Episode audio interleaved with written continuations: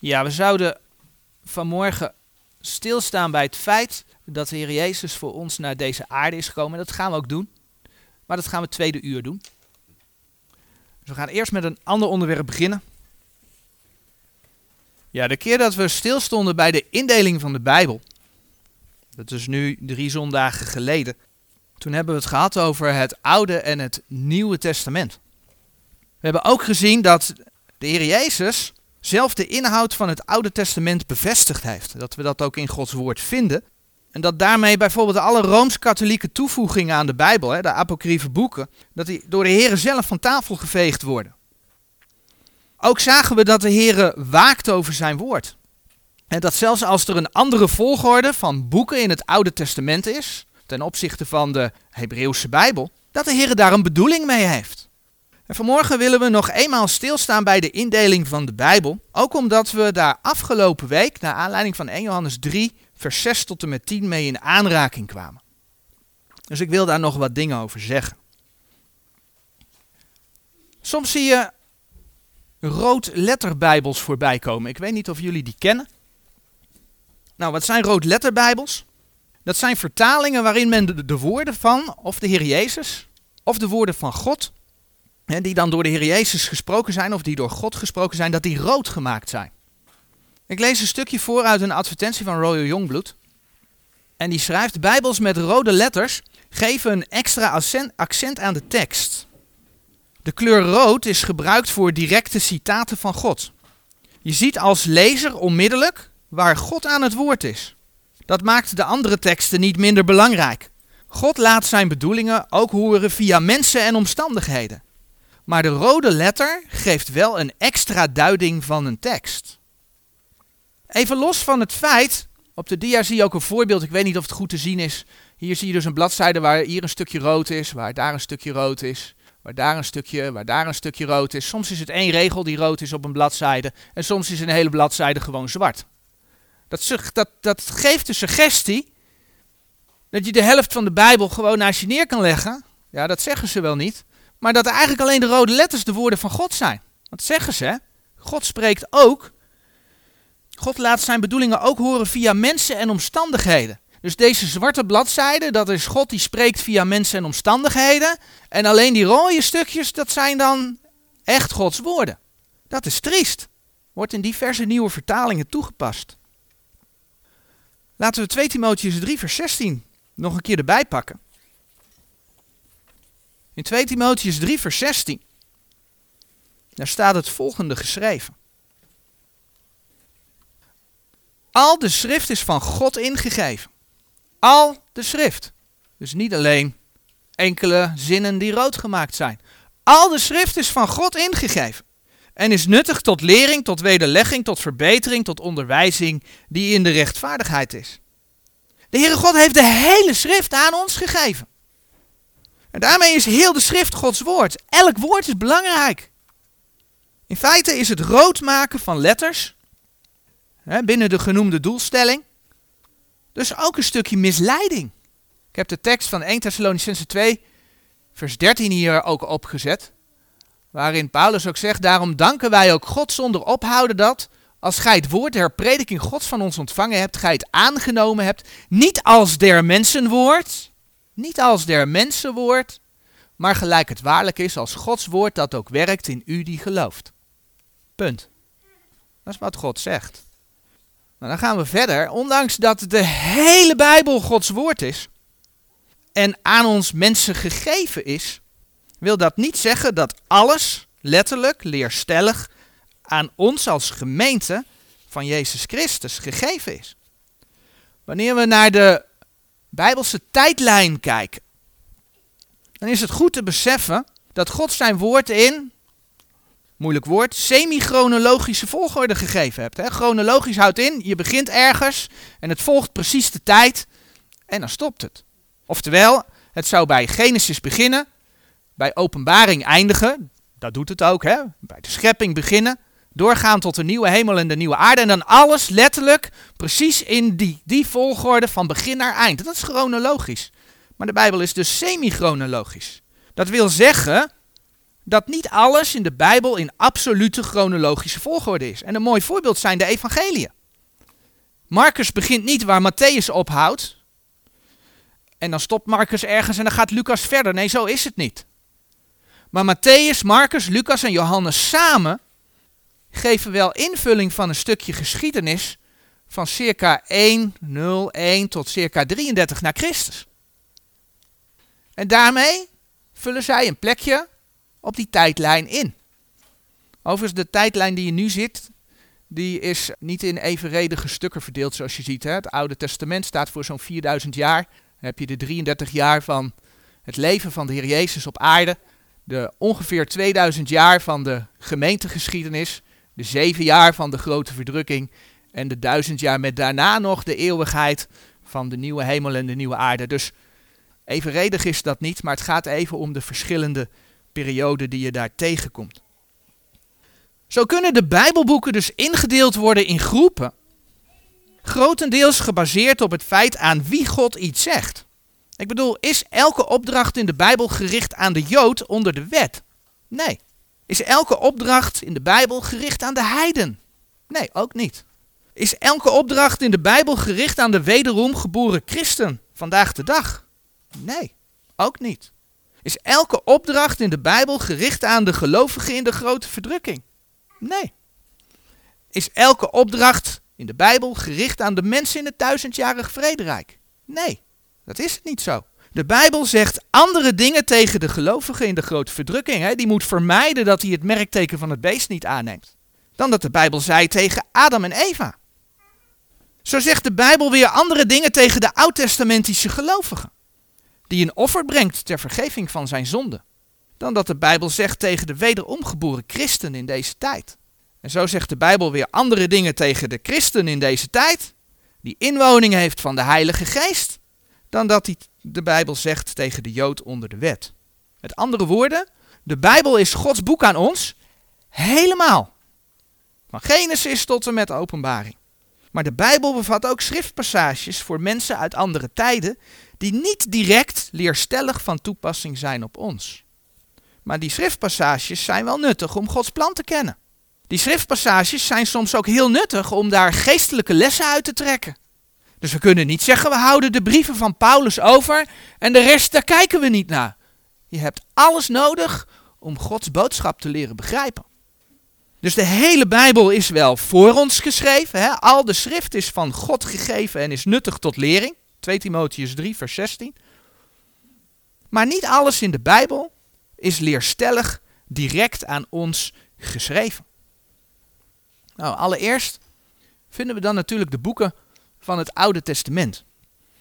En dan gaat het om 39 boeken van Genesis tot en met Malachi. En ik geef voor het Oude Testament een hele grove indeling, want ik hou gewoon het Oude Testament even als het Oude Testament aan. Daar zou je nog weer een onderverdeling in kunnen maken. Maar in het grootste deel van het Oude Testament, daar zie je dat God handelt met en door het volk Israël. door Mozes gaf God aan Israël de wet en koos hij hen als het uitverkoren volk. Dat wil niet zeggen dat we in een boek van het Oude Testament bijvoorbeeld niets over de toekomst vinden. Integendeel, de profeten spreken juist heel veel over de toekomst. Maar het moment dat het geprofeteerd was, was in de periode van het Oude Testament. De profeet leefde meestal onder de wet. En die profeet die sprak Israël aan. Hele belangrijke dingen om vast te houden. De profetieën zijn in eerste instantie, tenminste in het Oude Testament, aan Israël geschreven. Nou, aan het eind van die periode van de wet, dan gebeurt er iets. Nou wordt de Heer Jezus Christus geboren. En hij stierf voor ons toen hij ongeveer 33 jaar oud was. In het eerste deel zagen we al dat bij het sterven van de Heer Jezus eigenlijk dat Nieuwe Testament begint. Dus dat Nieuwe Testament begint niet bij zijn geboorte, maar begint eigenlijk pas bij het kruis. En daarvan willen we nogmaals de versen in Efeze 2 lezen. Efeze 2, vers 12 tot en met 18. Efeze 2 vanaf vers 12. Dat gij in die tijd waart zonder Christus, vervreemd van het burgerschap Israëls en vreemdelingen van de verbonden der belofte, geen hoop hebbende en zonder God in de wereld. Dat wordt dus tegen de heidenen gezegd. Maar nu in Christus Jezus zijt gij die eertijds verre waart nabij geworden door het bloed van Christus. Want hij is onze vrede, die deze beide één gemaakt heeft. En de middelmuur des afscheidsels gebroken hebbende, heeft hij de vijandschap in zijn vlees teniet gemaakt, namelijk de wet der geboden in inzettingen bestaande. Opdat hij die twee in zichzelf tot één nieuwe mens zou scheppen, vrede makende. En opdat hij die beide met God in één lichaam zou verzoenen, door het kruis. De vijandschap aan hetzelfde gedood hebbende. En komende heeft hij door het evangelie vrede verkondigd, u die verre waart en die, die nabij waren. Want door hem hebben wij beide de toegang door één geest tot de Vader. De Heer Jezus heeft de wet der geboden in inzettingen bestaande teniet gemaakt. Daarmee het Nieuwe Testament inluidende. En de vorige keer hebben we toen onder andere bij teksten in Hebreeën stilgestaan, ook bij andere teksten, Hebreeën 9 vers 17, om inderdaad te zien dat de Heer Jezus door zijn sterven dat Nieuwe Testament inluidde. Nou, in de vier evangeliën, Matthäus, Marcus, Lucas, Johannes, daar vinden we dus de 33 jaar van het leven van de Heer Jezus beschreven, van zijn leven op aarde. En die boodschap in de evangelie is hoofdzakelijk dat Israël, zeker in Matthäus, daar zie je ook weer een overgang in, Oké? Maar dat Israël zich moest voorbereiden op de komst van het koninkrijk. De periode dat Heer Jezus als koning der koningen en heren der heren op aarde zal regeren. En je ziet dan ook dat de Heer Jezus in de eerste instantie het evangelie van het koninkrijk predikte. Matthäus 4, vers 17 is daar een mooi voorbeeld van.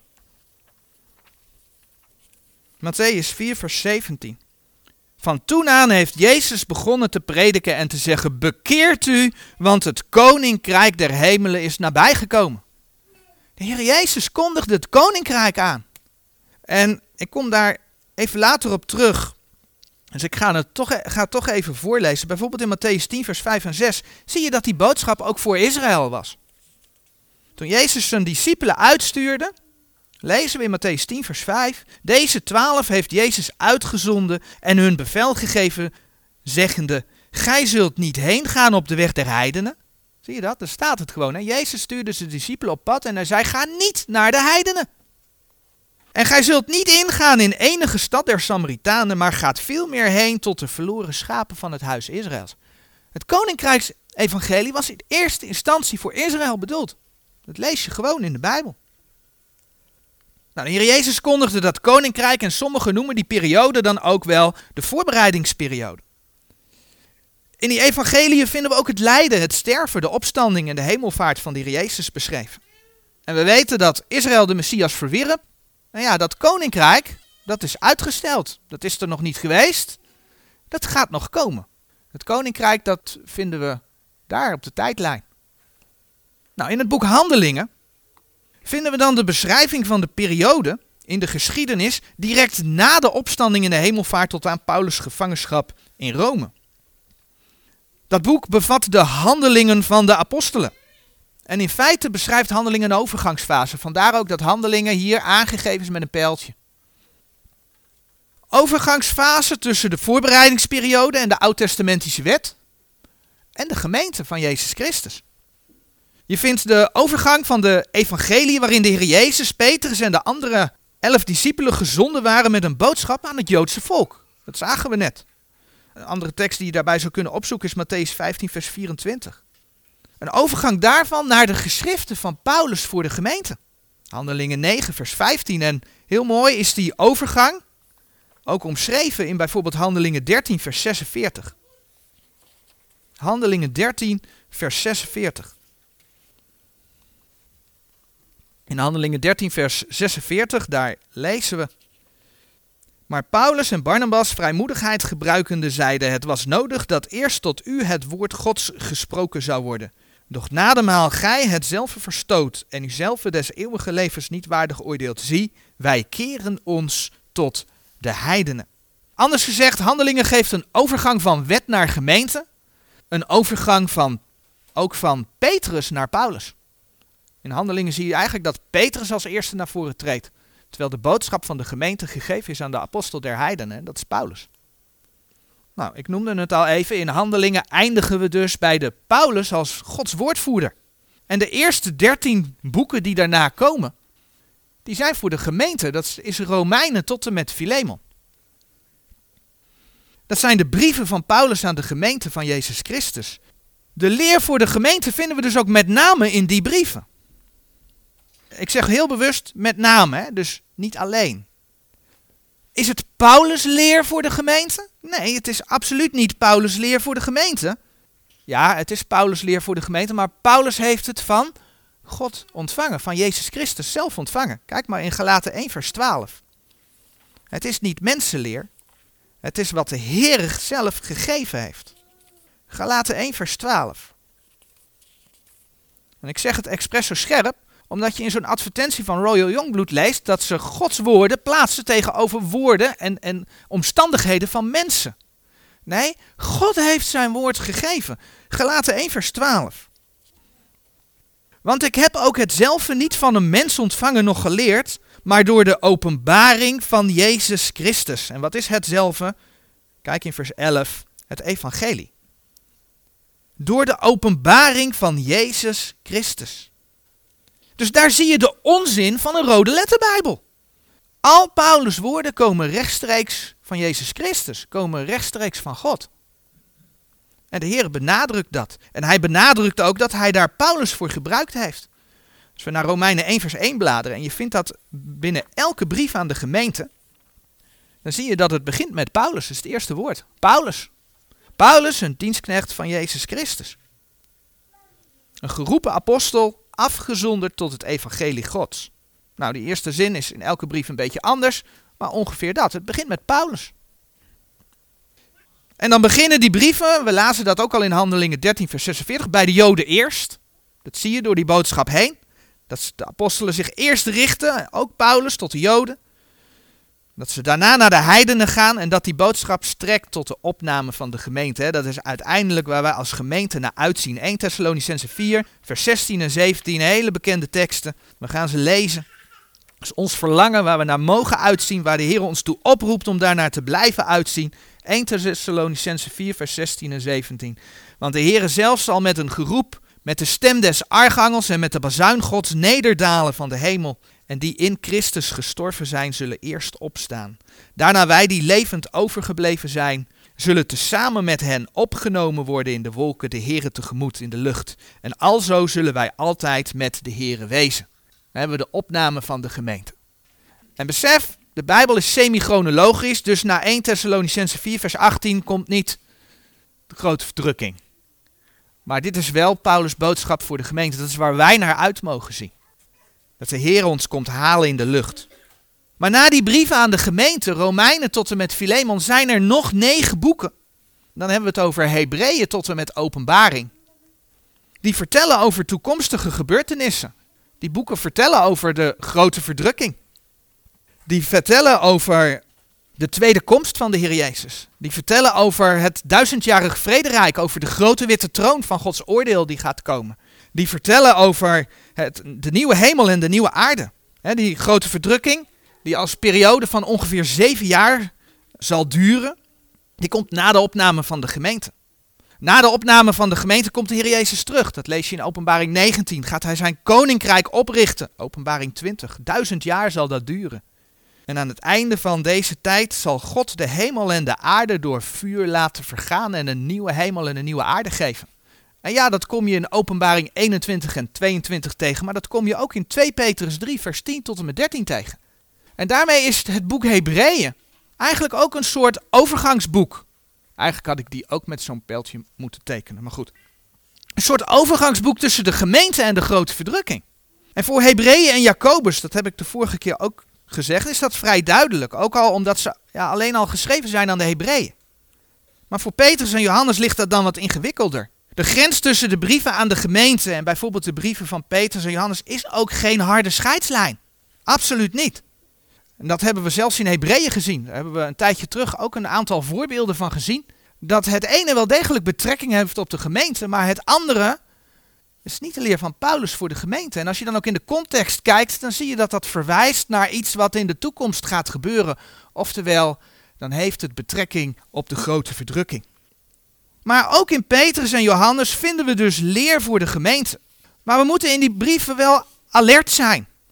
En extra rekening houden met het feit dat Gods woord verdeeld moet worden, omdat we daar toch meer de nadruk zien op de werken. En vorige keer hebben we daar een voorbeeld bij bekeken en dat was 1 Johannes 3 vers 7.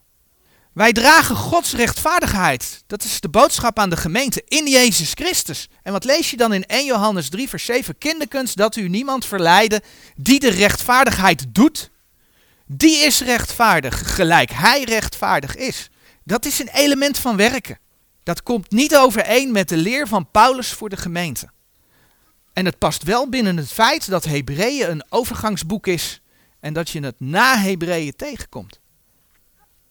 Denk aan het feit dat Paulus schrijft aan de opna over de opname van de gemeente als het om onze verwachting gaat. Hè? 1 Thessalonicense 4 vers 13 tot 18 hebben we net twee versen van gelezen.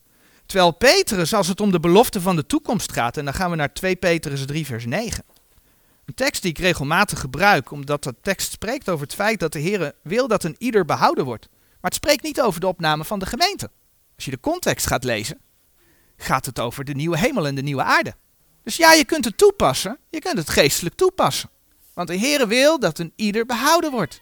Daarom wacht hij nog. Maar de context is de nieuwe hemel en de nieuwe aarde. Kijk maar in 2 Petrus 3 vers 10. Maar de dag des Heren zal komen als een dief in de nacht, in welke de hemelen met een gedruis zullen voorbijgaan, en de elementen branden zullen en vergaan, en de aarde en de werken die daarin zijn, zullen verbranden. En die dingen moeten we dus wel degelijk in het oog houden als we Gods woord lezen. Dat we Gods woord verdelen. Maar wat ik hier ook mee wil laten zien, is hoe de Heere God voor zijn woord gezorgd heeft. Hoe eigenlijk in alle Bijbelboeken gewoon een logische volgorde zit. God heeft over zijn woord gewaakt. Ook daarmee wil hij iets duidelijk maken. En daarbij willen we het dan nu voor dit eerste deel van morgen laten.